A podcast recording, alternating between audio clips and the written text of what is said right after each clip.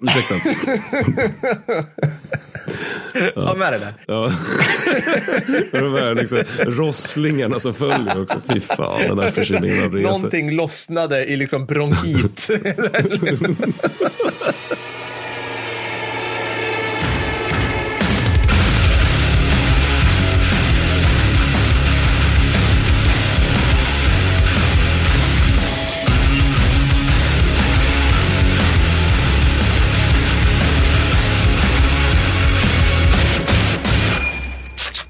Varmt välkomna underbara lyssnare till avsnitt 103. Ja, Kul att ha er här. det måste jag säga är en hög siffra förut. Det är en hög siffra. Det, vi börjar in i tresiffrigt nu. Jag tror att det är någon form av glastak Ja. för poddar. Jag hoppas jag. Jag att man, man tar sig över 100 avsnitt. Ja, för, för Fredrik sa det på livepodden att det här med att starta en podd har blivit en nya så här, vi startar en bar. Ja, exakt. Eller ett band. Ja, eller men något det är så här fulla Ja, mm. killar som sitter och säger att alltså, vi borde spela in det här tugget och göra en podd av det. Ja. Då tänker jag att man, de, rätt många nog orkar med typ så här tre och ett halvt avsnitt eller någonting. Ja. Sen börjar levern ta ut sin rätt. Men det är svårare så att upprätthålla en podd. Och det har vi gjort. Haha, Ja, bäst då. jag vet. Och vi är ofta nyktra när ja, vi gör det här. Ja, jo, jo. Ja, ja. Röster har höjt som en ny fyllepodd. Could you please? Ja, jag vet. Jag förstår inte riktigt varför. Det, det, det är så här, jag mådde så dåligt efter den. Så att det fanns, men jag, liksom, jag drack ju också typ så här, hemgjord cider som jag fått på posten av oklar människa i omärkta Mm. Flaskor i oklar procent. Ja, Ja, ja precis. Det, det är jag någon form av pseudo-shoutout. Men det är ganska många av er lyssnare som skickar sprit till mig. ja Jag, vad jag, jag trevligt. har fått ett ganska fint spritskåp nu och grejen är att jag, jag dricker inte speciellt mycket sprit. Jag, jag, jag dricker öl när Mm. jag dricker alkohol. Så, att, så att det, det, är liksom, det är två whiskyflaskor, en vodka från Ukraina, en julmust som är smaksatt med konjak och ytterligare någonting. Ära. Ära i högsta grad. Men, det, det, det är också Konrad på framsidan Ja, givetvis. ja, ja, ja. Så jag vet inte, jag tror jag eventuellt måste börja be folk att skicka det till er istället. För jag kommer aldrig att sätta i mig det. Eller det kommer att ta så lång tid. Nej, men det, det, det stämmer nog. Alltså man blev ju, någon gång efter 30 så blev jag oerhört tråkig. Jag kommer ihåg när vi, när vi gifte oss, så bara, vi köpte ju sprit och så bara, men älskling, klart vi ska spara en massa spritflaskor för att vi kommer ju så här, du vet, stå och vara så här härliga på en fredag eftermiddag och du vet, göra drinkar. Ja, just det. Just det. Du vet, så här, ja, Glamorös. har inte hänt en enda gång sen, sen vi gifte oss 2017. Liksom. Det är det där när man liksom har småbarn och det så man har tandkräm på sina mjukisbyxor och Ja. någon så här tork, intorkad rest av en spya på ryggen som man inte orkar ta bort och så, du vet, så här lite kiwi-mos på magen också. Det, det är inte läge för den glamorösa drinken på fredag Nej, eftermiddag. precis. Det är inte så att jag så här slänger ihop en GT till min älskade som står där och ser så här elegant ut. Liksom. I cocktailtändning. Nej, precis. Liksom. Det är absolut inte. Ja. Nej, men, eh, ja, men absolut. Jag tar gärna emot sprit. Jag, jag älskar att få saker. För det är min, eh, min narcissism som, som gynnas då. Så det är underbart. Jag har shoutout. Du har shoutout. Vill du börja? Jag har en stycke shoutout. Det är från patronen Fredrik Landin som skriver som avslutning. Det var efter en generell eh, hyllning, vilket jag gärna tar emot. Som avslutning vill jag göra en shoutout till Marcus inom citationstecken tysken från Anderstorp slut citationstecken. jag tror det är smeknamnet. Som lurade mig att lyssna på denna magnifika podd som senare ledde till ett livslångt åtagande som Patreon. Ah. Jag, tänker, eh, men då, jag tänker hålla eh, Fredrik eh, till det här då. Liksom, Ja. att man har sagt, alltså, även om vi lägger ner imorgon vill jag faktiskt bli anställd av honom resten av livet. Tycker det låter bra. Ja, precis. Ja, men på, på något vis, eh, vad heter det? Inte apanage. Ursäkta, jag står och tittar på en liten katt som sitter här. vad heter det, konstnärslön. Ja, att, så här, att liksom, de bara går ihop så här, ja nu är podden nedlagd, men vi vill liksom bara fortsätta gynna Mattis och Per och Fredrik för att se var de tar vägen. Du vet, så här, Det är så den, här crowdfundat socialbidrag låter det som. exakt så är det. Precis så skulle jag vilja ha det. det. Jag vet inte, det här kanske, vi kanske framstår som djupt osköna nu. Ja, skitsamma, Ja, vad har du för shoutout? Vi, har ju, vi spelade in en, ett julaftonavsnitt Mm. som släpptes på julafton och där drog vi in en massa sköna frågor från er. Jag vill bara tacka för alla de bra, kloka och smarta frågorna. Alltså det, det är en här generellt härlig nivå på nörderi. Ja, det, det var från Patreon ska tilläggas också. Ja. Så om man vill bli Patreon för att liksom, ja men vadå, Ja, sluta nu. Absolut. Så kan man. så rekommenderar jag att bli Patreon Ja. för då kommer man åt vår Discord och kan allmänt generellt bara gå loss i nörderi Ja, där och nå oss eh, väldigt enkelt. Och väldigt trevlig stämning. Vi har även muggar. Ja men så är det. absolut, absolut. Det kan man göra. Och då får man eh, massa saker. Värdeköp, Du, det är en sak. Förlåt. Får Okej, jag bara, för det här är ju faktiskt ett avsnitt som går ut till alla. Jag vill bara säga det. Om ni funderar, för en av de vanligaste frågorna vi får, Mm. det är så här, kommer man åt gamla avsnitt om man blir Patreon? Ja, just det, den, den är jättevanlig. Gamla ja. extra avsnitt. Och ja, det gör Ja, man. det, men det, det, är fakt- det är faktiskt en PSA på riktigt. För att den, den frågan får jag verkligen ofta. Så. Och, det, men, och det är väl typ så här, vad fan är det ens? Det är väl liksom över 20-30 avsnitt där någonstans nu. Ja, Fredrik säger så här, åh gud, har jag klippt så många? du Här är jag måste få löneförhöjning. Ja, det är många i alla fall. Alltså, så Ja, ja, de, de, de, de finns kvar då. Och sen har vi också en liten special shoutout från Emil Åberg som vill ge en shoutout till Emil Texas von Åberg som under vintern var hemma på permission från Ukraina. Det är väl en högst vällovlig shoutout tycker jag. Men vad ska vi prata om idag? Vi ska prata om att internet ibland har fel. Trust me, I'm like a smart person. Ja, precis. Jag vet, jag vet. Det här är orimligt. Ja, ja. Det här kanske blir följetong eftersom det här blir så här, några av internets större Ja, missuppfattningar. ja, precis. Yes. Ja. Något som vi bara har gått runt och, men som, som så här kliar lite på järnbarken, kan man Ja, säga så? Ungefär ja. som vi tycker är så här lite, ja men det här kan ni väl sluta och tänka, liksom. Kan man säga så? Ja, men precis. Och vi har ju i alla fall tidigare, i tidigare avsnitt brukade vi ofta prata om det här med vem professor YouTube var och sådär. Alltså, jag, vet inte, något, ett, jag har några så här generella problem med eh, historia på internet. Det är ett, man är helt oförmögen att göra jämförelser. Ja. Två, basal logik är någonting man ofta inte utövar hur sjukt det kan låta. Nej. Och tre, man har, det är så groupthink-grejen är verkligen total. Alltså att det, det krävs bara liksom någon form av kritisk massa för att nu tycker alla så här Ja. Ja. på internet. Alltså det bara är så här nu. Ja. Det här är all, och, och det är inte nödvändigt så här. Alltså det finns ofta saker som talar emot den här, den, den här groupthink-grejen. Mm. Så, att, eh, så vi, och vi har alldeles för mycket anteckningar så vi kanske ska sätta igång Ja, med det jag här. tror alltså vi har ganska göra mycket det. på mitt hjärta känner jag. Det, det, det här blir alldeles för långt. Det Nej, jag vet det. Ja. Fredrik, Fredrik bara, "Åh, vi får inte, ska inte dra över så mycket här nu. Men, vi, men vi, jag tror att det kommer bli bra. Vill du börja? Jag du kan börja. Två, Ja, du två. hade två exempel. Ja. Ja. precis. Och det här är sånt där som Mattis, alltså det är så skönt, jag måste säga, det är så skönt att du får ventilera det här för lyssnarna. Ja. För det är ju sånt här jag hör när du och jag pratar telefon. Ja, det. Per, Per, lyssna. Någon det finns har fel. idioter på internet som Ja, tror precis. så här. ja, Mattis, ja det stämmer. Ja, det stämmer. Det stämmer. Men- det är ju det här med att för min del är det ju alltid en chock att man kan ha fel på internet. Det, det är så något som jag upp, upptäcker varje gång Ja. jag går ut på det. Nej, men så här, jag har döpt den här grejen till del och helhet och det ska handla om Panter. Stridsvagnen Panter.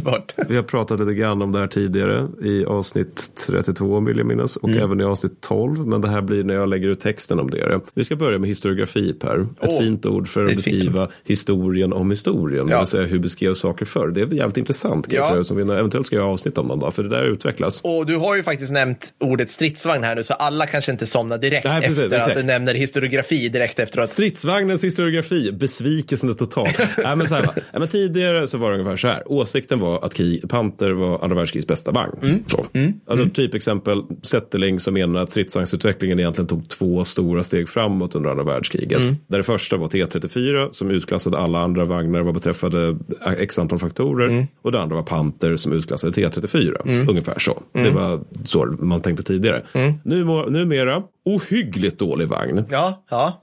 Ja, det är här någonstans, det är här någonstans jag kommer att ha invändningar. En automatisk dödsfälla. Det, är- det ja, liksom, ja. precis, precis. Det, det här är ju framförallt internethistoriker. Många har frågat oss, vad tycker ni om Laserpig? Jag tycker mycket om Laserpig, men jag håller inte med honom om allt. Nej. Och det här är en av de grejer. Där han, en av de grejer jag inte håller med om, till exempel uttalandet, den motverkade aktivt den tyska krigsinsatsen. Slutcitat. Jag skulle säga att det var många saker utöver enskilda stridsvagnsprojekt som motverkade den tyska krigs, Ja. stridsinsa- krigsinsatsen. Typ Hitler och Ja, sen bara ja. börjar vi rä- räkna upp saker nedanför honom. Men det är en annan grej jag lärt mig på internet. Man får inte längre säga att Hitler var en dålig chef. Det, det, det, nej, men folk blir jätteupprörda. Och jag hänvisar till Östfrontspodden ifall man undrar huruvida han var det eller Ja. inte. Och sen har vi det skiften då som reglerar över det som brukar kallas för den franska rapporten. Och Den återkomma till. alltså han den här Ja. YouTube, uh, YouTubern, uh, stridsvagns-YouTubern. Ja, precis. Han är pansarofficer som jobbar för World of Tanks, är det väl? Och så, som är verkligen, ah, skitsamma. Eh, men, men, men även en del tryckta historier, historiker som till exempel Pritt Butter också, som har eh, tagit, dragit lans mot Pantern då. Oavsett vilket så är det jag ute efter att pendeln verkar verkligen ha svängt. Och det här beror, beror inte minst på att det är auktoriteter med stort A som uttalar sig. För jag har noterat att väldigt många diskussioner om Panter på forum och liknande förr eller senare slutar med att den här YouTuberen tycker inte om den. Nej, men då så, vad bra, då är vi färdiga. Klart. Och då kan man fråga sig, vadan förändringen? Och det som man skulle väl kunna sammanfatta det med då, det är att man har gått från att bedöma saker utifrån hard factors till soft factors. Och hard factors när det är stridsvagnar, det är skydd, beväpning, hastighet. Och det här är ju liksom tre områden där Panther får höga betyg.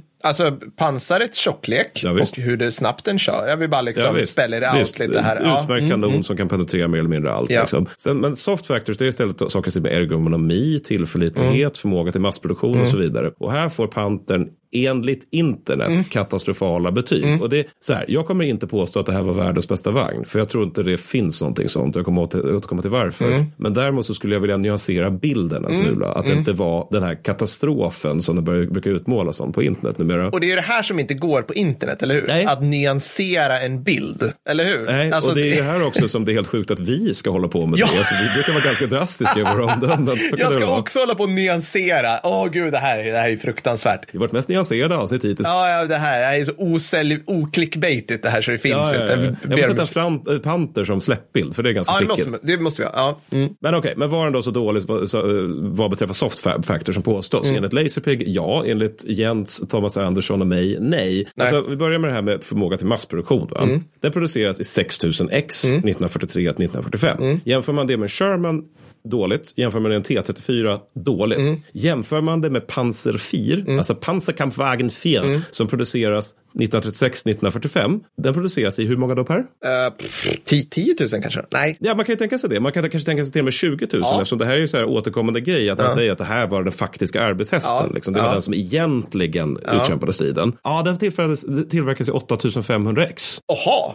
Jaha, oj. Så, det var alltså- från 36, alltså det, det måste ha varit liksom så här, äh, jag, jag ser framför mig liksom en tysk liten så här äh, garageverkstad. Där Ja. liksom så här Helmut, Gunther och Frans liksom putsar in var, alltså så här, liksom så här Ja, ja men man kan få det intrycket. Ja. Och, och det innebär ju också att Panther produceras i avsevärt fler X per år Oh, ja. än vad Panzer 4 gör. Oh. Och, och det, sen, är, sen är liksom Pa- Panther lite dyrare än Panzer 4 men även avsevärt bättre beträffande kanonen och skyddet. Mm. Alltså man tar just vad man får ut för per, liksom i form av pang när det Mm. gäller Panther. Då är det liksom att Panthern har en 5,4 meter lång kanon som väger t- eh, 2,1 ton, Mm. vilket är härligt i sig. Kontra Panzer 4 3,9 meter långa 750 kilos kanon. Mm. Varför är det här viktigt? Jo, längre eldrar betyder bättre pansarbekämpningsförmåga. Ja, ja. Sen har vi det också att vi får ut mer kraft för de här pengarna. Eller vi, det är jävligt fel, Nazityskland får ut mer, mer Nu kraft. är Bo Mattis här. Du får inte outa oss så här Mattis. Precis.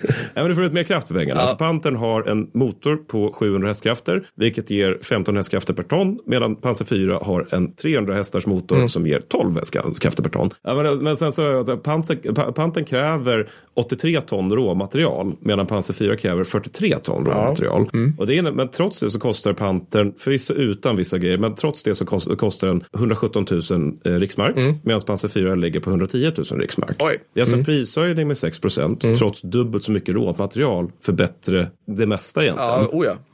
Och då, då är det liksom då att det är liksom en produktionsprocess då för Panther som är mycket effektivare än för Panzer 4.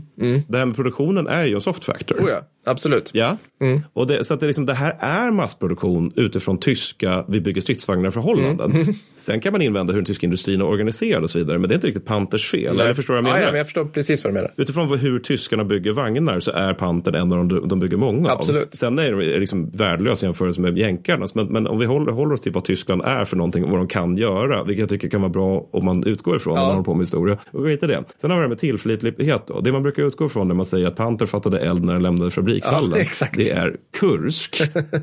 där man satte in halvfärdiga bebispantrar med massa ba- barn, eh, barnsjukdomar. Och efter slaget så är mycket, mycket, mycket riktigt 16 procent av de insatta Panther Aus D Mm. eh, färdiga för strid. Det är ju också kul att de döpte den till Aus D, första versionen, Ja. för att det var väl det som, de, försökte, de gjorde det för att lura liksom, var det inte så? Ja, du, du har sagt det någon gång, Ja. att det var liksom att man, man skulle lyra allierad underrättelsetjänst. Ja, jag vet inte om det stämmer, Nej, det är väldigt roligt. Men det är för det känns väldigt mycket Big Brain Hitler Ja, över det. Vi bara sätter en annan bokstav på slutet så kommer de inte förstå vad det är för någonting. Nej, men så att det är liksom 84 procent av vagnarna då har egentligen äh, framförallt havererat under Mm. kurslaget. Och det är ju ganska dåligt, om man, eller snarare en fullkomlig jävla katastrof. Mm. och det de har problem med drivlina, oljeslangar, transmission etc. Mm. Men det vi ska komma ihåg är också att Aus D, det är 850 av 6000 tillverkade pantrar. Mm. Det är alltså en liten minoritet. Ja, ja. Kan vi generalisera om en stridsvagn eller någonting annat egentligen utifrån en liten minoritet? Jag tycker kanske inte det då. Nej, det tycker inte jag heller. Och sen tycker säger att det det. är AUS A och AUS G som har avsevärt högre tillförlitlighet. Ja. Om ni inte tror mig så kan vi då gå beskriva den lite mer i, i, i utförligt då. Alltså 1944 så ligger, förutom i september och andra halvan december, Mm. så ligger tillförlitligheten på 71 till 85 procent. Eller snarare så här, 71 till 85 procent av alla pantrar i väst är Mm. insatsberedda. Det är ungefär det som är deras tillförlitlighet. Mm. Och förutom i september, september, oktober och andra halvan av december så är det 65 till 75 procent som var detsamma som gäller i öst, återigen året 1944. Orsak till att det är en skillnad här, det är olika höga tal, eller hur Per? Du har inte somnat än. Ja, det, nej, nej, jag försöker hänga med. Ja. Det är att i Östeuropa är en stor potatisåker. Ja. Det är lersäsong, det är sämre vägar och det är längre avstånd. Ja. Vilket gör att det blir mycket, mycket jobbigare för alla typer av stridsvagnar. Mm. Det här gäller även Panzer 4 och Tiger för övrigt. Att de har svårare att hantera östfronten än västfronten. Eftersom västfronten har ju det här, du vet, vägar, järnvägar, basal civilisation. Alltså det, det är liksom, Inget vi pysslar med. Nej, jag får skoja. Nej, men på Nej, men alltså, alla måste, du måste inte, liksom åka framåt på en åker Nej. från, som börjar liksom det, vid det, polska det är gränsen. typiskt Det, dåligt att banda långt i alla bandfordon. måste man alltid. Mm. Och när vi säger långt, då menar vi typ över en mil blir det jobbigt. Alltså det är på Säkerligen. riktigt så här, eh, jag tror jag bandade i 90 mellan två skjutfält på så en fin svensk landsväg Ja. i typ 40 minuter. Nej, jag vet inte, vi kanske åkte i 40 minuter, säger Mm. Och det var så här, oh, shit, alltså alla bara så här, åh, det här blir vård på det här. Och du Ja, vet, ja. åh, det här är inte skönt för 90 Och det är liksom moderna stridsfordon liksom. Och om vi då tänker vad, vad, vad som är 44 för pantrarna så är ju det så här hoppsan, där kom bagation, hoppsan, där kom Liv, Liv, Lviv Sandomierz, Ja. hoppsan, där kom Jassi. Alltså det är ju så här återkommande reträttstrider Ja. hela vägen liksom tillbaks till Polen från Ja. Vitryssland. Så det, det, det kan ju ha påverkat Ja. tillförlitligheten. Det Kan var en gissning. Ja. Men sen går, går tillförlitligheten ner 1945. Ja. Men det gör även tillförlitligheten för Panzer 4 och Tiger. Och det kan ju naturligtvis bero på att Panter är världens sämsta vagn och att den Mm. exploderar ifall man tittar på den. Det kan också bero på att systemet som ska få vagnar att fungera, Just det. vill säga Tyskland, Ja. har gått sönder. Ja. Alltså att om man inte har tillgång till drivmedel, reservdelar, utbildade besättningar, mekaniker och fabrikshallar, ja då går tillförlitligheten ner. Mm. Ja. Ja. Det är lustigt det här att det fungerar så. Konstigt, va? Ja, jättekonstigt. Men då vi, ska vi nu göra det här, liksom det som internet är oförmöget till och många historiker facket inte verkar veta hur man gör. Det vill säga vi ska jämföra. Ja, oh, spännande. Ja, nu blir det... Ja, men då, ja. ja, vi kan börja med Panzer 4 då. då. Som den här är den som ofta brukar beskrivas som. Borde bara investerat i den, eller typ Panzer 3. Borde bara kört på den. Det var arbetshästen. Den var mycket mer tillförlitlig. Jag tror den är marginellt mer tillförlitlig än- Ja. än Panther Ja. över tid. Sen kan vi ta T34 då, som vi alla vet är så här rugged Soviet mechanics och så vidare. Skräp! Ja, mm. För att citera en vis man vid namn Per Wallin. Hälften av alla vagnsförluster av T34 1941 beror på haverier. ja. Ja, så så tillförlitlig var det. Och den blir mer tillförlitlig under krigets gång. Det ska man nog försvara med. Alltså 45 så kan en T34-85 röra sig 500 kilometer på tre dagar utan större problem. Ja, ja. Mm. Alltså det ko- kommer uppstå problem, men, men utan större problem. Det, alltså 200 kilometer 41, det är helt förödande. Då slut upphör p- stridsvagnskårer existera. Alltså motorn hoppar ur motorrummet och sticker därifrån. Ja. Alltså det är så dåligt kvalitet i, i liksom transmission. och allt. Det är hopplöst liksom. Ja, och och det är just transmissionen som är en av de stora problemen tidiga T34. För de har liksom en fyrstegstransmission som ställer krav på dels erfarenhet i besättningen men också fysisk styrka hos föraren. Vilket det sovjetiska någonsin hört. Alltså, det är svårt att växla den här jäveln för hand. Så förarens knä eller radiooperatören får liksom ofta rycka in. Det krävs för att man ska växla. Och sen 43 så får T34 en ny transmission. Och, men innan dess så är det liksom vanligt att oerfarna förare råkar lägga in fjärde växeln istället för första eller tredje. Ja. Med mycket ledsen väx- växellåda som Ja, följd. ja, ja. Så det här är ju också någonting vi kan jämföra med. Vi kan jämföra med M4 Medium Tank, alltså det som också känns som Sherman. För där är ju så att 13 procent av alla förluster beror på haverier och felkörningar. ja exakt. Nej, men när Pantern är som mest tillförlitlig, då, är det, då har den en tillförlitlighet, eller liksom, då är 85 procent av vagnarna insatsberedda. Mm. Vilket är nästan som Sherman. Liksom då. Det skiljer några procent liksom. Ja, Ja. det, det är ingen större skillnad. Sen Nej. är ju liksom M4 mer tillförlitlig över tid. Å andra sidan kan man ju kontra med att, Frank, att Pantern har liksom en bättre kanon över tid till exempel. Men, men alltså, det, det är väl att vi ska notera här att alltså, det här är tunga fordon gjorda på 40-talet. ja, precis. Är haverier någonting vi kan kanske räkna med då? Ja. Om vi bestämmer oss att vi tar tiotals ton och sätter på en gräsklipparmotor och hoppas på att det här ska fungera. Ja. Kan det då vara så att haverier kommer uppstå Ja. oavsett vilken typ av vagn det är? Ja, kanske. Men så här, men så här, titta bara, alltså, de, de tillförlitliga fordonen på 40-talet är, har liksom två rörliga delar. Mm. Ja. Alltså det är typ jeepen. Ja. Alltså den är tillförlitlig. Alltså det, det, that's it, punkt. Alltså det finns inga andra. Och den är liksom, ja, men det, det, det är den enklaste typen av konstruktion av fordon du kan komma på. Ja visst, men, men sen också M4 är ju naturligtvis tillförlitlig men sen ska man också konstatera att den har den, liksom turen att ingå i ett system som hela tiden kan föda den med reservdelar. Ja. Den har också turen att framförallt slåss i Nordvästeuropa. Mm. Alltså medvetna om att den även finns i Burma och liknande. Men alltså, tankeexperimentet, vi har, en M, vi har M4. Det vore intressant att veta för ryssarna hade M4. Det vore Ja. intressant att veta hur tillförlitliga var de på östfronten. Ja, där de också var tvungna att liksom grisa runt i leråkrar hela tiden. Nu hör jag liksom ljudet av ett gäng pansarnördar som kastar sig på diverse forum här nu och försöker svara de- på de- frågor. Vi hör av er, jag är faktiskt nyfiken. Ja, hör Mm. gärna av mig. Ni kommer ändå grilla mig för det här. Så. Men, men, eh, men sen så har vi då naturligtvis den franska rapporten som du brukar hänvisa till. Den Mm. franska rapporten det är att det var, tror jag, två franska bataljoner efter kriget som spakade pantrar. Mm. Och de, den här rapporten de skrev om det hela, den gjorde gällande att pantern var helt otjänlig.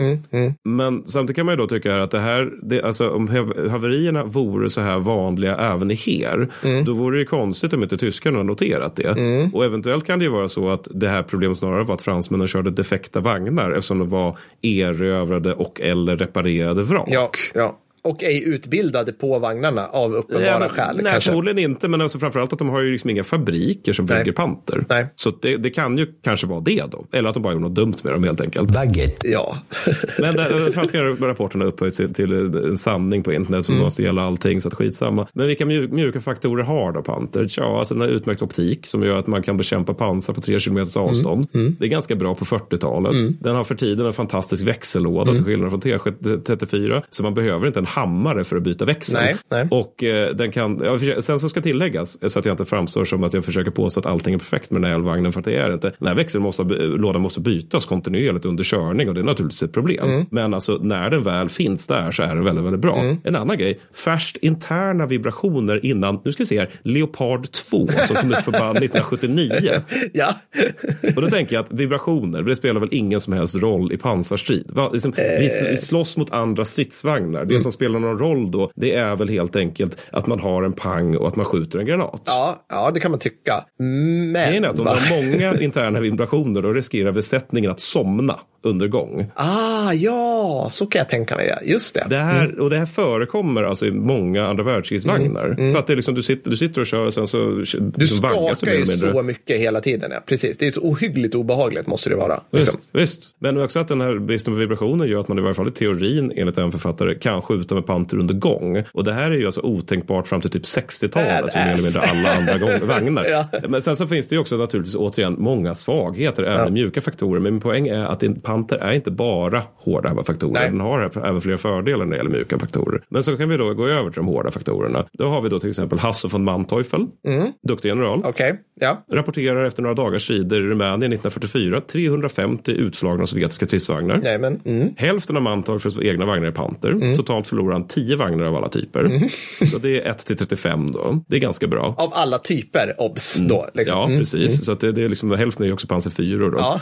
Om vi gör då som Främ det här ost och drar av 30 procent från inrapporterade, Ja. vilket är högst rimligt. Ja. Det här pratade vi om i avsnitt 102 också. Och vi drar av 30 procent av inrapporterade fientliga förluster då, då hamnar vi på 24,5 utslagna sovjetiska stridsvagnar per utslagen tysk vagn. Mm. Vi kan till och med dra, dra av 50 procent så vi är nere på 17,5 per utslagen tysk vagn. Det är fortfarande jävligt bra. För om jag förlorar 17 vagnar Mm. för varje som fienden förlorar, då går det dåligt för mig. Då gör fienden någonting som är ganska bra. Eventuellt har de till och med bra vagnar. Men typ så här, typ så här du, du, du spelar World of Tanks och slår ut 17 vagnar. Mm. Ja, jo. Då har du Mm. vunnit själv. Ja, Eh, eh, minst. så, ja. alltså, eller Lite jag så, vet inte, ja. vilket dataspel som helst. Liksom. Ja, men det är helt, kill death ratio som är helt vansinnig. Liksom. Precis, exakt så. Ja, men exakt så. För att, jag, menar, man, jag tar det just den, den grejen. Det är liksom, när man tittar på Battlefield brukar de som har en väldigt bra kill death ratio ligga på typ så här 1 till 4, Ja. inte 1 till 17.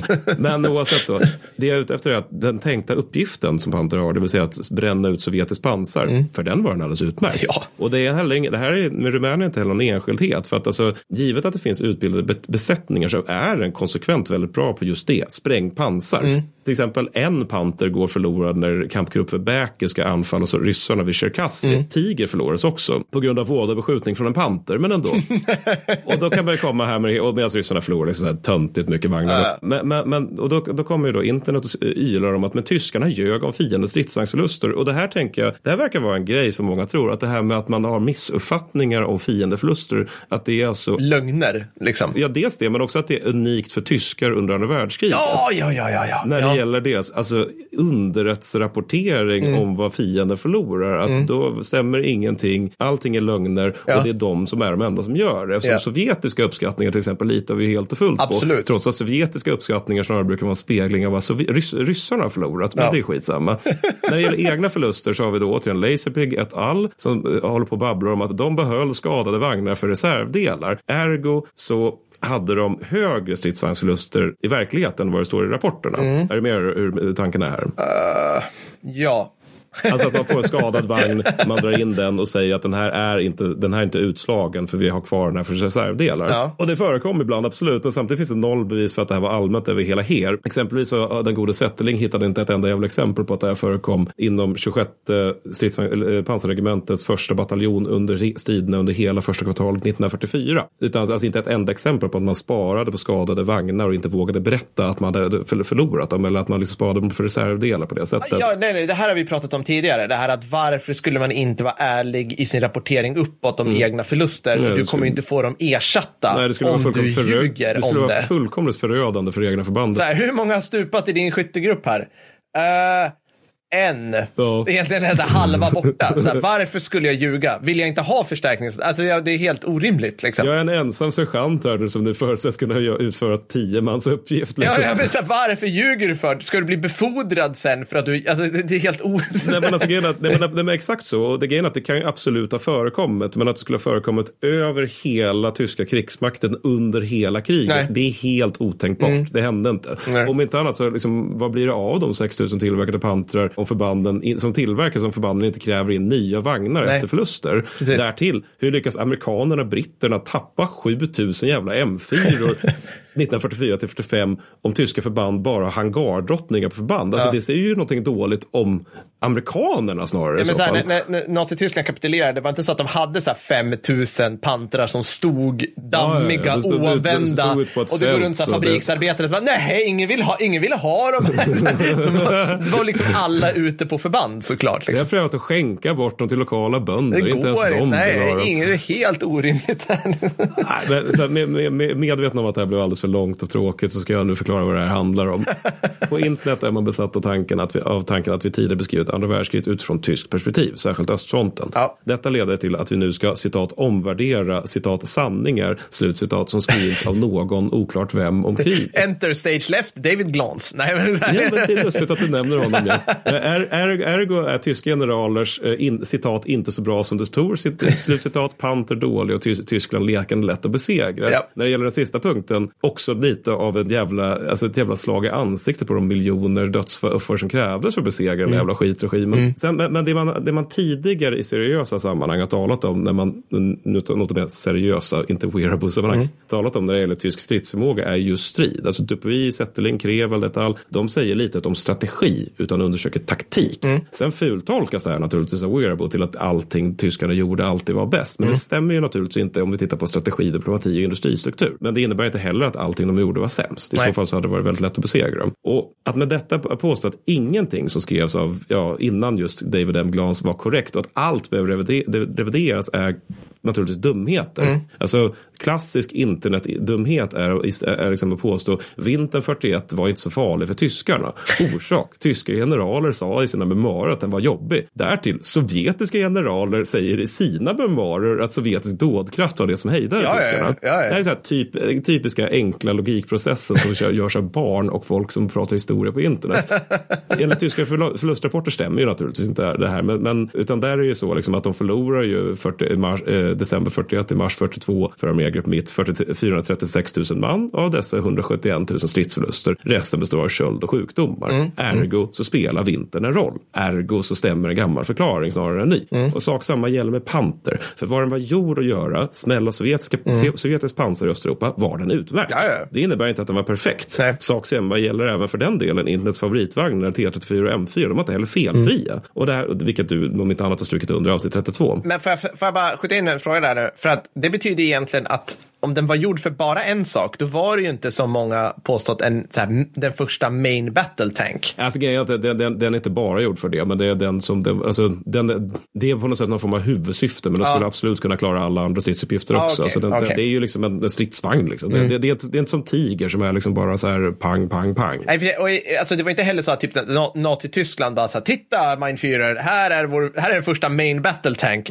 MBT, som vi nu har uppfunnit. Utan Nej. alla bara, det är en medeltung, Ja. sa ju alla då va, Vilket i antar jag. sig är roligt. Men, ja, nej, men, alltså, men det jag är ute efter är att det här stryker under något som jag länge känt. Det är att krigshistoria väldigt snabbt, väldigt lätt blir väldigt barnsligt. alltså att det är så här, andra världskrigets bästa vagn. Alltså det är ju ingenting som vi någonting kommer kunna utse. Nej, nej, nej. Eftersom ingen vagn är någonsin bättre än de system de ingår i. Nej, nej. Det gäller även Panter, det gäller även T34, det gäller allting. Ja, men om man hade haft 10 000 Tiger 2, då hade ju... Ja, nej, jag, jag Absolut, förstår vad du menar. precis. Ja, ja, Exklusive ja, dieseln som krävs för att driva. Ja. Ja, ja. men så det och det om Panter, jag ber om ursäkt för allt. ja, men det är underbart. Jag gillar det.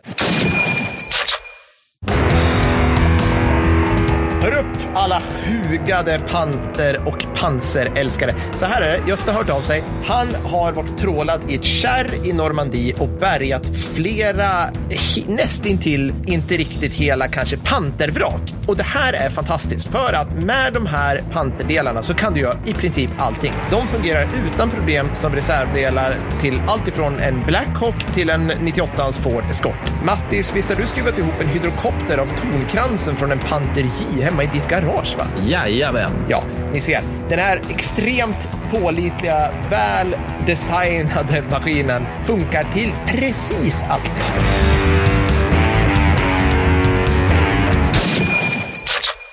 Nu, Fredrik, kan vi få höra, kan du klippa in ljudet från när det kommer ett F16 och släpper en så här, uh, hund, så här 300 kilos bomb på ett så här Tully compound i, i Helmand. Och så bara, och så hör man de här, de här bassarna som filmar det som säger bara Yeah, get some! Woo!" Jag tror det räcker om du hör, tar F16 och Get Some, Fredrik. Ja, jag tror det. Det är fantastiskt roligt.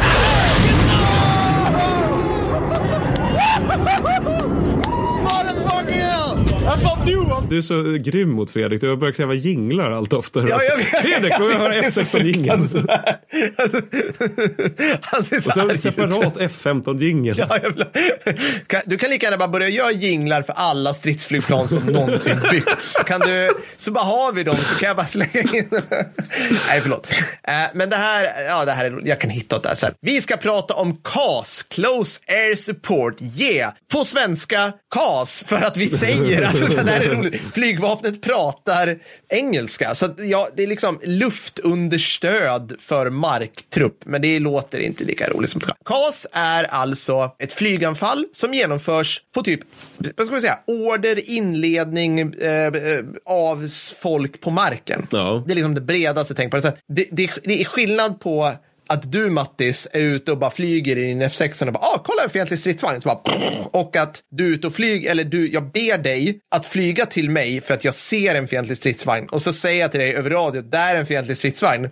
Kan du spränga den? Och du bara, jajamän, smack liksom. Ja. Det, det, det är liksom definitionen av CAS. Och det här är det vi alltid ser i alla filmer och som alltid, inte bara avgör striden, det avgör oftast kriget. Alltså det här är liksom, Det är det som räddar liksom, folk på slutet av filmen. Exakt, så att liksom, det är alltid soldatens perspektiv, vare sig det är krigsfilmer, tv-spel eller böcker. Alltså för vad ska stridsflygplan annars göra, Mattis, än att Ja. bomba saker som Bruce Willis eller Ghost från COD pekar på? Just det, för kriget kretsar ju återigen som alltid kring just de där skytte, skyttesoldaterna on the front end. Så. Ja, ja, ja, ja, det borde ju alltid finnas bara flygplan som bara kretsar över. Ja. Det är liksom så här äh, ett gäng infanterister håller på med på marken eller stoggar och bara där, där Precis. bombar det och så kommer flygplanet och boom. För att, för att man har... Bekämpa Man, artilleri och radar är tönt. Nej, nej, men man kan...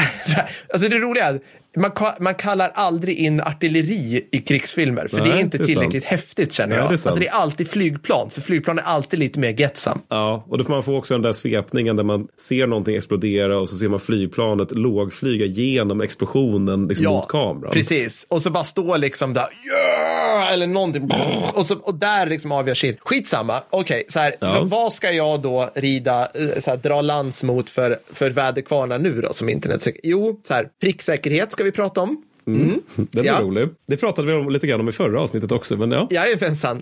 Typ så här, alltså det, det, mest, det mest orealistiska i Saving Private Ryan, vet Mm. du vad det är Mattis? Jag tror jag anar i sammanhanget, men berätta. Ja, eh, ja. Jo, slutscenen som är, jag, jag kommer ihåg det, men jag, jag tänker på att många kanske har glömt den. Det är egentligen, eller slutscenen, det är Tom Hanks döende som skjuter med sin pistol mot en, an, en framryckande tigerstridsvagn Ja. som åker över den här bron som var så himla viktig. Ja. Och sen exploderar den Ja. och så ser man typ en, ett stridsflygplan, en P51 som där, mm,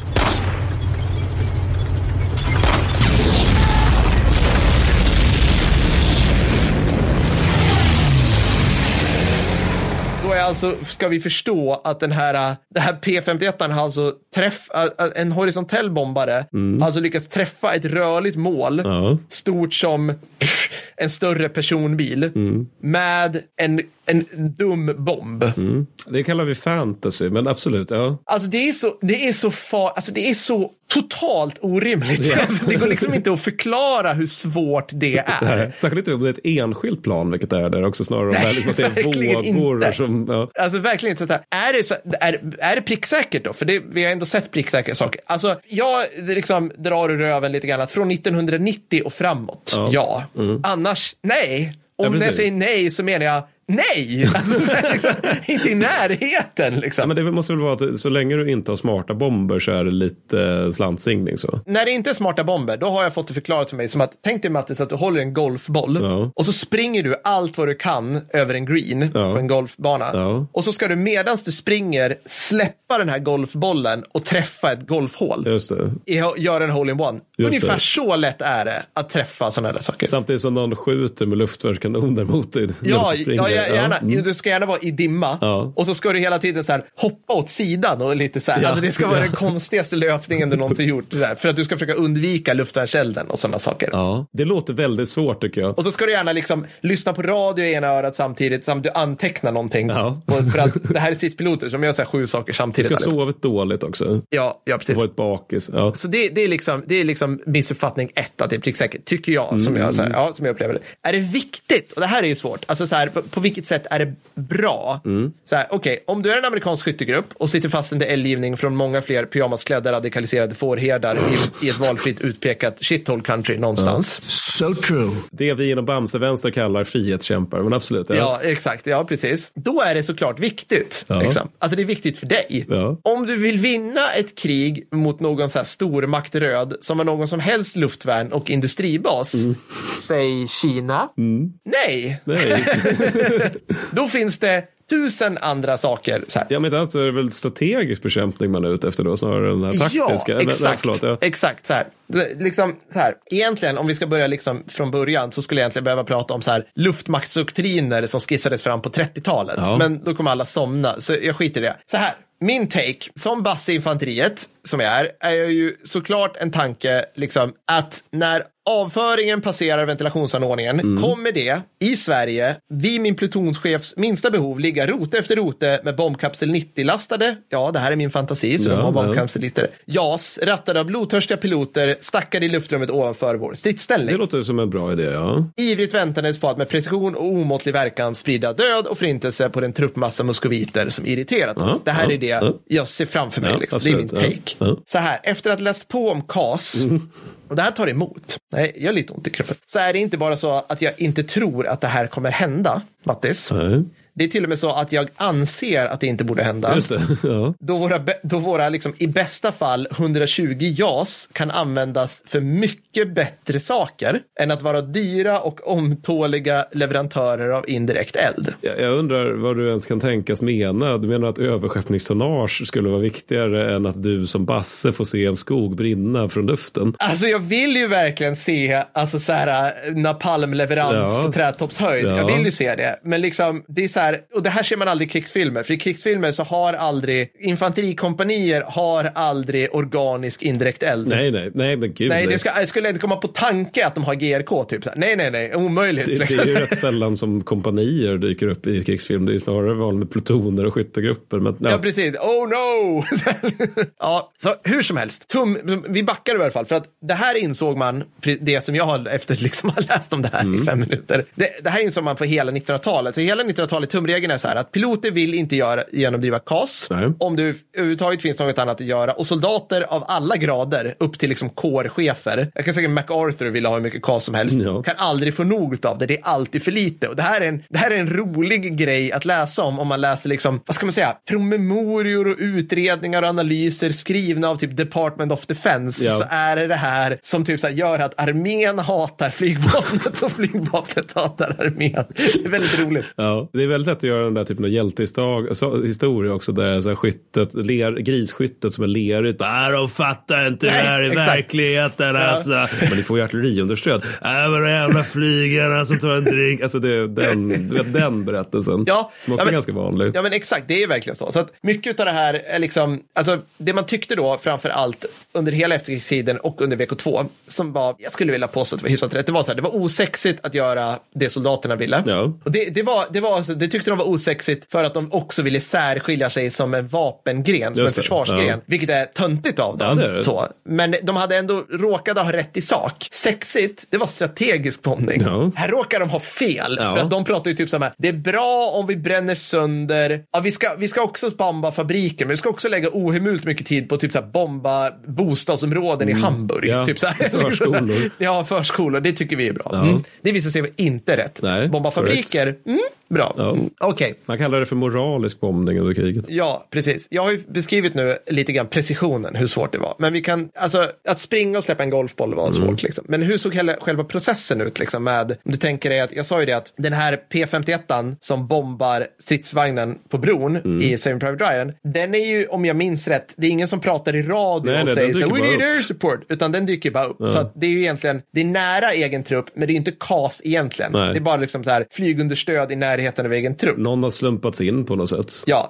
men vi kan ju också då hur, tänka oss hur dålig precisionen var på grund av samarbetet mellan trupp och flyg under andra världskriget. För att du ska försöka få livrädda bassar som leder in ett skramligt propellerplan på en 1940-talsradio under beskjutning Ja. med hjälp av så här oläsliga kartor. Ja, jag Alltså- ser problem i sammanhanget, ja. Where are you? What? I can't hear you. Eller i värsta fall skulle det här skulle det vara vida signalering för att ibland kunde det vara så att den som faktiskt pratade med flygplan, om det ens fanns radio, eller skickade iväg flygplanen, för vissa, alltså de kanske inte ens hade radio, den satt liksom på typ så divisionsnivå. Så var det också under delar av andra världskriget.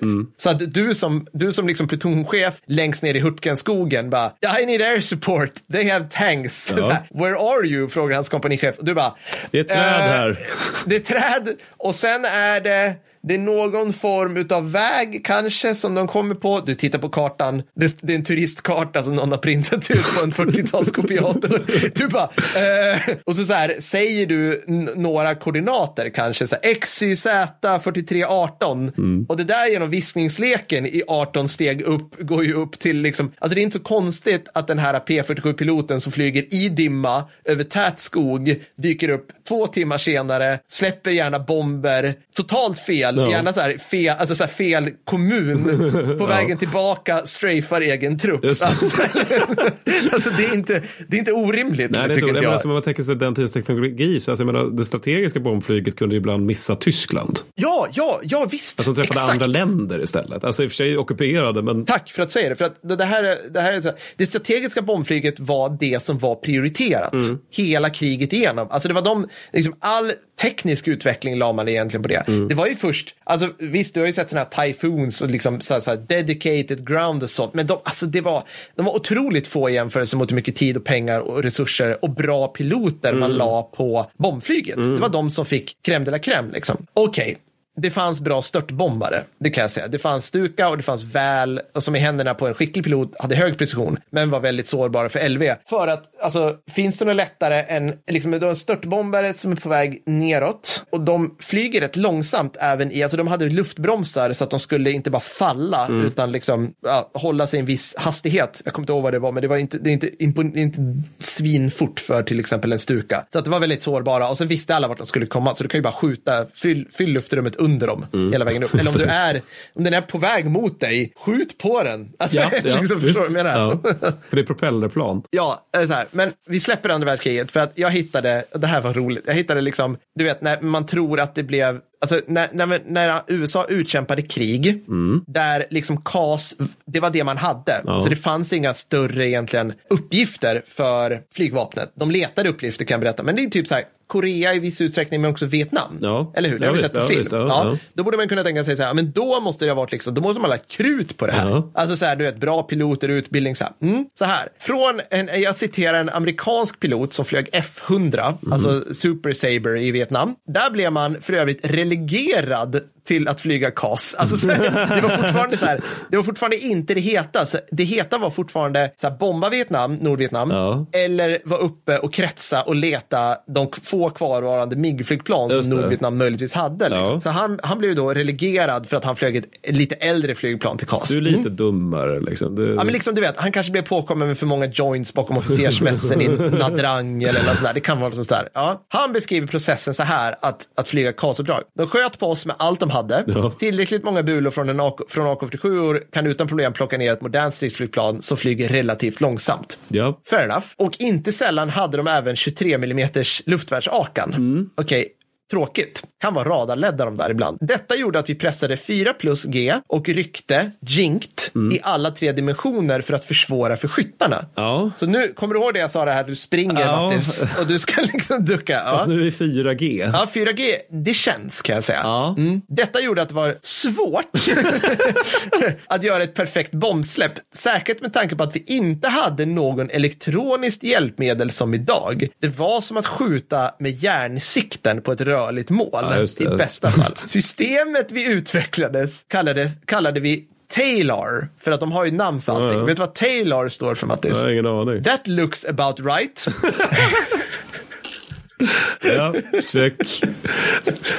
Alltså, man, man börjar förstå så här vietnamesiska civila förluster i det här, liksom var, det, var det kommer ifrån under det här kriget. Ja, ja, ja, visst. Ja, men det, det bästa han kunde säga, det var så här att bomberna vi hade var retarderade. Mm. Om du snabbt släppte Snake Eyes-bomber, ja, retarderade är ett fint ord i det här fallet. Mm. Eller, eller bara napalm, de hade canisters, alltså behållare Mm. bara. Så de, de liksom tumlar i luften. Vilket var bra, sa han, för då kunde vi flyga superlågt och långsamt Mm. utan att bli bekämpade av våra egna bomber, för de exploderar bakom oss. Vi hinner komma Ja, liksom, det, ja. ett gäng hundra meter. Och jag vill bara säga att så här, det hans beskrivning jag har nu i åtanke att det här kan utspelas så sent som så här 1970 plus. Alltså, så Ja. det, det fanns tillgång till datoriserade bombsikt, bombsikten, modern, noja, avionik, gedigen pilotutbildning.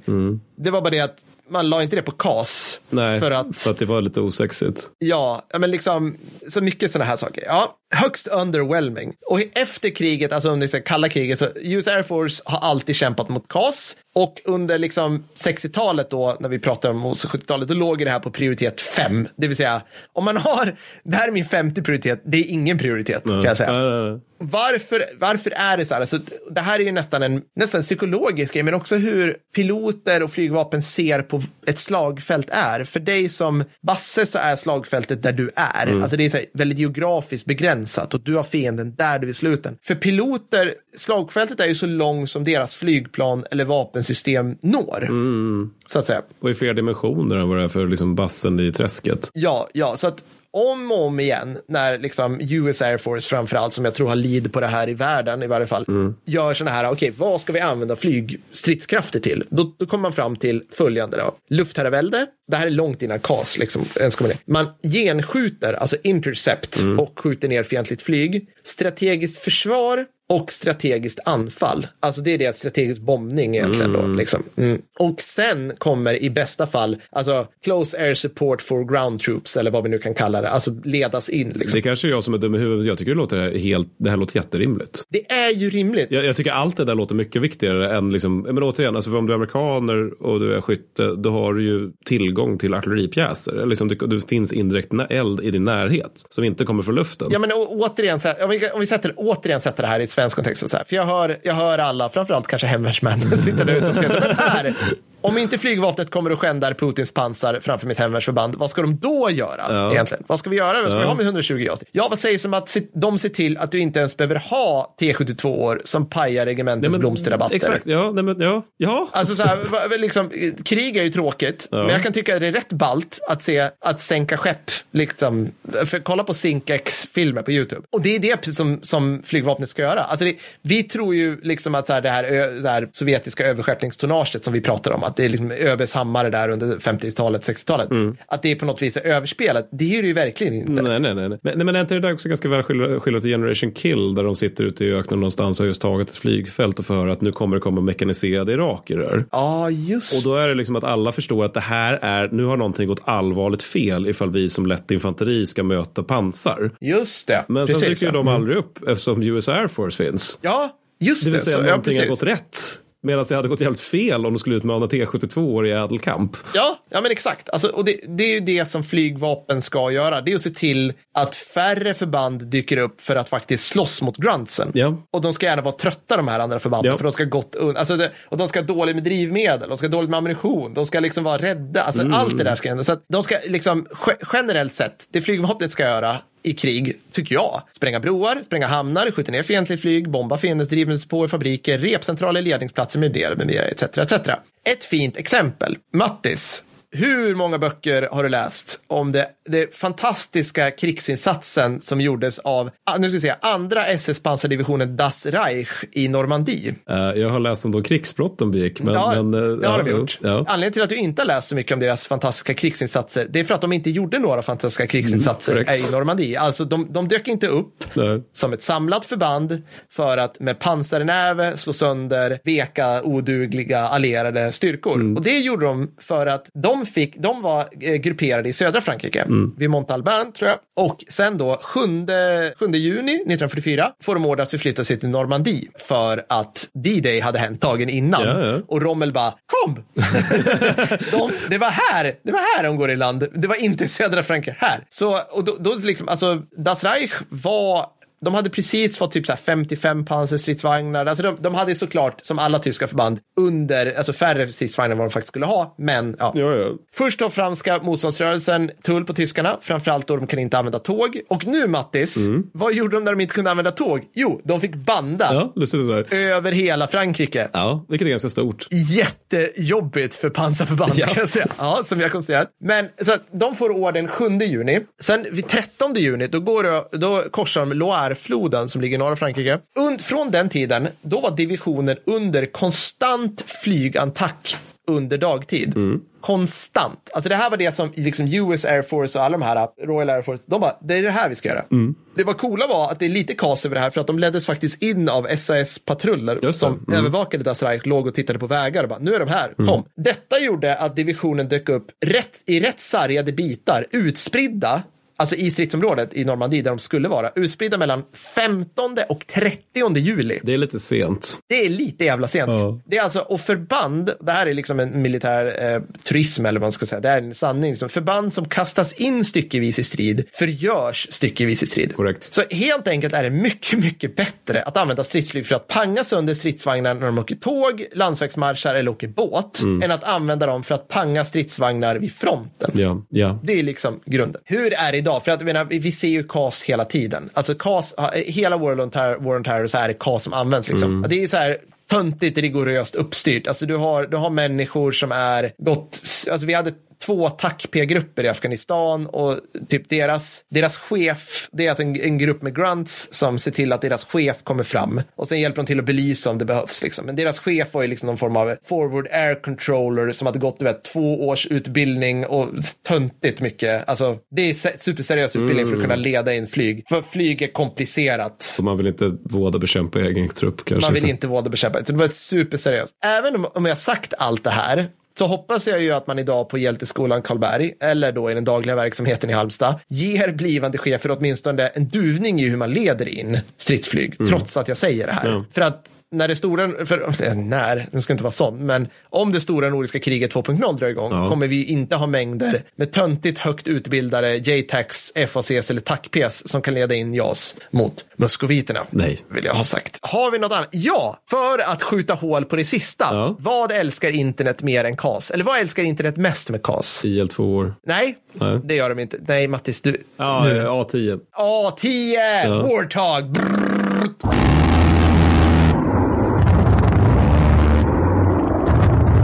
Den suger. Förlåt. Eh, Alltså, jag, vet, jag, men jag, har, jag har nog lite anteckningar om det här. Har vi, jo, men okej. Så här, ja, A10, jag, jag kan ta det lite snabbt. Började skissas på 1966. Det är svingammalt. Ja. Då kan jag berätta att överlevnadstiden var, alltså så här, när den kom ut på förband, så här, 70 någonting, då var överlevnadstiden mot sovjetiska pansarförband som de var tänkt att agera mot räknades i minuter. Det räknas i sekunder idag. Ja. För att alltså på låg höjd har luftvärnsrobotar gått från SA-7, vilket är typ så här ett rör med en missil som kanske inte låser på solen utan låser på så här, ja, till så här SA-25. Man har gått från, på hög höjd har man gått från S-25 Berkut, vilket är, jag tror att det är, du vet, en derivat av de, de så här, Wehr, Wehrmachts sista Wunderwaffen, liksom, som togs över till Ryssland. Rottkäppchen. Till S-400, liksom. Men bara fråga, det var inte också en detalj att den där kanonen som alla brukar säga, liksom A10 goes brrt. Den, är ju, den är väl gjord för att slå ut även vagnar från just 60-talet? Eh, ja, Alltså rimligen. Mm. om den är utvecklad under den tiden. Så då ska den väl då möta T55, T62, T64? Ja, exakt. Vi vet I och, inte sig, hur... I och för sig, det är ju vad ryssarna sätter in nu. Ja, men, exakt. men jag menar, om vi tänker, tänker oss kvalificerad motståndare. Ja. Så, så, alltså att det, vad händer om den möter en vagn som är gjord på 70-talet eller uppgraderad för att eh, liksom, hantera 00-talet? Ja, ja, vi vet ju inte. Kan den, kan den ta sig igenom det? Eller vad? Ja, alltså jag tror att det är, jag tror fortfarande inte att det är så stort problem. Okej, ja, Eh, mm. men, men jag kan liksom inte, jag kan inte svära på det. Sen kan det vara att andra hårdmål är betydligt bättre skyddade än vad de är, eller vad de var då. Liksom. Den är långsam. Mm. Ja. Den trumfas av i princip allt över 12,7 Ja, okej. millimeters, det vill säga allt eldrörsluftvärn som finns Mm, är över 12,7. Och sen den här 30 millimeters brr, den var ju liksom, den var ju aldrig tänkt att vara huvudbeväpning överhuvudtaget. Och det är bara sådana här saker som att när, okej, här, när AT'n skulle time to shine, egentligen hela War on Terror, Mm. då flög den av olika anledningar, så underhåll eller vad det nu kan vara, då flög den kanske 10% av alla KAS-uppdrag, Mm. medans F16 flög typ alla andra. Men F16 är ju det här planet som ingen vill prata om. För att Det är det Exakt. där tråkiga planet som bara fungerar och inte Ja. är något spexigt. Det är bara det är plan. Det är, det är bara ett plan. Det är stridsflygplan 1.0, extrem slitvarg. Och det var liksom alla utredningar som flygvapnet har gjort, alltså amerikanska flygvapnet, har sagt så här att det vi ska ha är liksom en attack, en, en dedikerad attackversion av F16. Det är liksom det som är det, ekonomiskt vikt, vikt, vettigaste. Den har överlevnadschanser i vår nutida miljöer, etc. etc.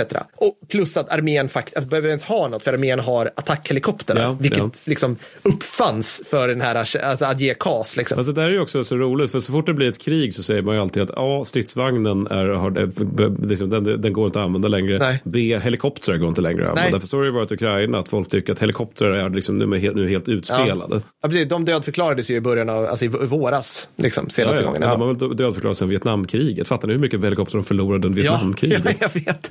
Ja, så, att, så att det är liksom den här, alltså KAS ska bäst genomföras av artilleri. Ja, ja, jag är ledsen att säga det. Det är liksom så. Och stridsflygplan har annat för sig. Ja. Det är det som är grejen. Och det är, alltså bara läser man om det här. Och det, jag kan tycka att liksom flygmänniskor och piloter kan vara lite så här, åh, det finns så, vi måste tänka på this parameter. Alltså man läser om vad så här, amerikanska piloter skriver, det är så här, angle of attack, bla bla bla. Alltså ja, ja, ja, visst, vi fattar, det är komplicerat och svårt att flyga. Men det är inte riktigt det som är grejen, utan det är att det är uppgifterna som sådana som... Ja, ja, precis. Och det är lite det. Så att, ja, sluta, sluta älska A10, börja älska GRK.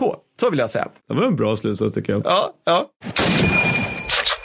Jag skulle egentligen gå igenom att eh, det här med att man måste vara tre gånger så många som försvarar i anfall inte stämmer. Men jag tänker att jag gör en fredagsartikel av det istället. Bra Mattis! För det stämmer nämligen inte. Eller snarare så här, det stämmer inte givet att det är, äh, skitsamma, jag, jag gör någonting av det. Underbart. Nästa avsnitt är ett extra avsnitt som vi inte har bestämt oss för än Korrekt. vad det blir. Avsnitt efter det Mattis Mattis. Det blir avsnitt 105. Vad i helsefyr? Ja, Operation Storm 333. Mm. Det är inledning på en liten serie vi ska ha Jajamän. om någonting som ni har efterfrågat. Det vill säga Sovjet-afghanska kriget. Ja. Sovjetunionens invasion av Afghanistan. Vi ska, vi ska faktiskt göra, vi ska tänkte pröva det. Att göra serie Jajamän. någonting. Eh, Så att det blir fyra delar. Första blir då om eh, den trattiga inledningen på det hela. Och sen så kommer vi gå igenom lite allt möjligt. Det kommer bli grymt. I totalt fyra avsnitt. Ja. Sen blir det ju naturligtvis eh, för patroner extra avsnitt däremellan. Men, men ordinarie avsnitt blir eh, fyra om sovjetisk-afghanska kriget. Ja, men det ska bli grymt. Eh, och sen kommer vi låta er utvärdera lite grann vad ni tycker. Ja. Eller det gör ni ju Ja, löpande. men alltså, liksom. vi, har, vi har inte gjort sånt här tidigare Nej. egentligen. Vi har, gjort, vi har gjort en tvådelars serie. Men inte en, liksom, en så här riktig serie-serie. Så, så att jag tänker att det kan vara lite kul att pröva. Se vad ni tycker.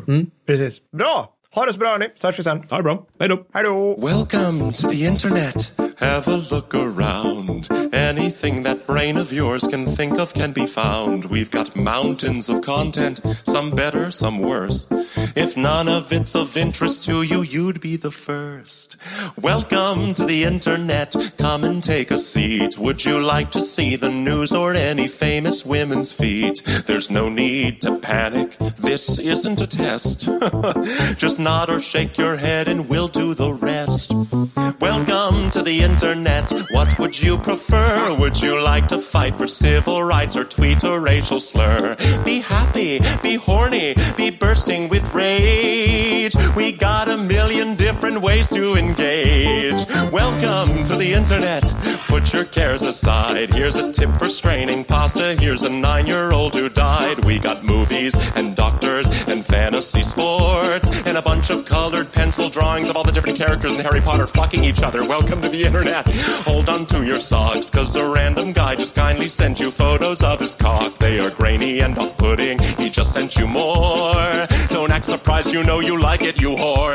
See a man beheaded, get offended, see a shrink. Show us pictures of your children, tell us every thought you think. Start a rumor, buy a broomer, send a death threat to a boomer, or DM a girl and groomer, do a zoomer, find a tumor in your here's a healthy breakfast option. You should kill your mom. Here's why women never fuck you. Here's how you can build a bomb. Which Power Ranger are you? Take this quirky quiz. Obama sent the immigrants to vaccinate your kids. Could I interest you in everything all of the time? A little bit of everything all of the time. Apathy's a tragedy and boredom is a crime. Anything and everything all of the time. Could I interest you in everything all of the time? A little bit of everything all of the time. Apathy's a tragedy and boredom is a crime. Anything and everything all of the time.